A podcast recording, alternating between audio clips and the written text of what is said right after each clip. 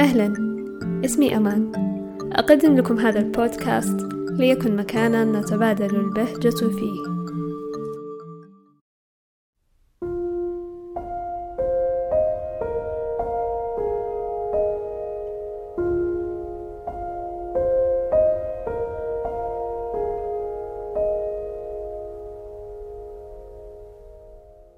أتعجب كثيرا عندما أتأمل عظمة الله في خلقه. في خلق الإنسان ودقة تفاصيل تكوينه على وجه الخصوص. سبحان من خلقنا من نطفة وعلقة. سبحان من أبدع في خلقنا بهذه العقول والأجساد. سبحان من جعلنا مختلفون بكل ما فينا. إن الاختلاف نعمة يجب أن نحمد الله عليها. فالحمد لله.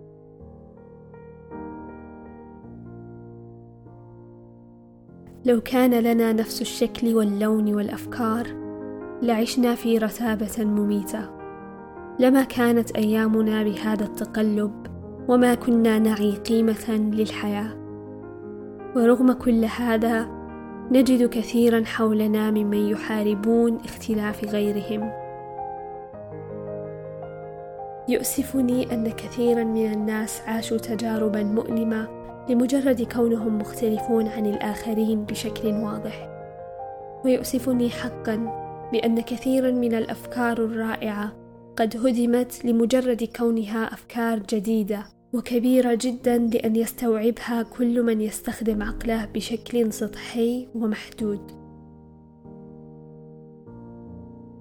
ويؤسفني بأنه على الرغم من عطايا الله التي لا تعد ولا تحصى إلا أن البشر ما زالوا لا يخرجون عن المألوف يخافون التجربة ويشعرون بالعار من الاختلاف. لكل من هم يواجهون هؤلاء الناس لا تدعوا ذوي عقول صغيرة يحطمون أحلاما وأهدافا كبيرة. محاربة اختلافاتنا ولدت حروب قاسية. وبنت بيننا جدرانا باعدتنا عن بعضنا البعض. كما أن محاربة الاختلاف سبب لوجود ممارسات خاطئة كالعنصرية والتنمر. فكم من منا يواجه التنمر على شكله ولونه وحتى أفكاره؟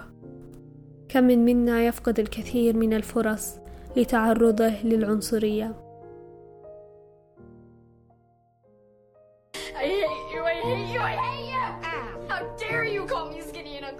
How dare you call me freckled and redheaded? You are a rude, unfeeling woman! How would you like to have such things said about you? How would you like to be told that you're fat and clumsy and that you probably hadn't a spark of imagination in you? and I don't care if I hurt your feelings by saying so. I hope I hurt them, because you have hurt my feelings worse than they have ever been hurt before, and I will never forgive you for this. Never, never!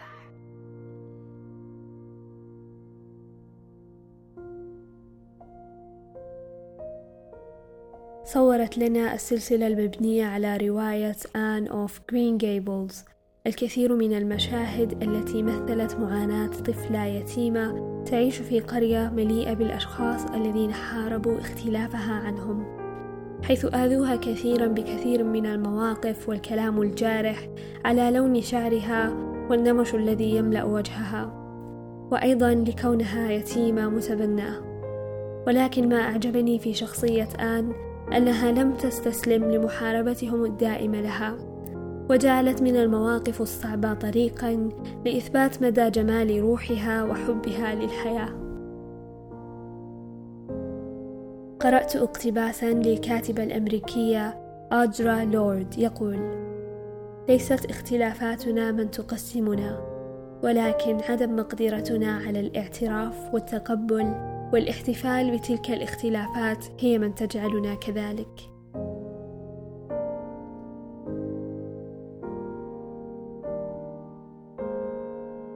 إذا عزيزي المستمع جل ما نحتاج إليه اليوم هو أن نشرع بتقبل اختلافاتنا كي نهدم تلك الحواجز التي بنيناها بيننا حيث باعدتنا إثر صراعات حادة نشأت لعدم تقبلنا بعضنا البعض.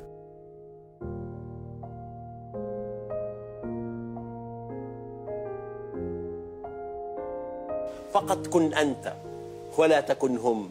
دع ذاتك تسمو وعانق عمق الحلم.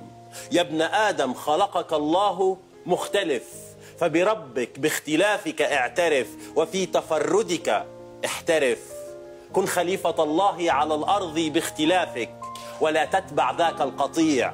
عش حرا يا ابن آدم فهذه الأرض للجميع.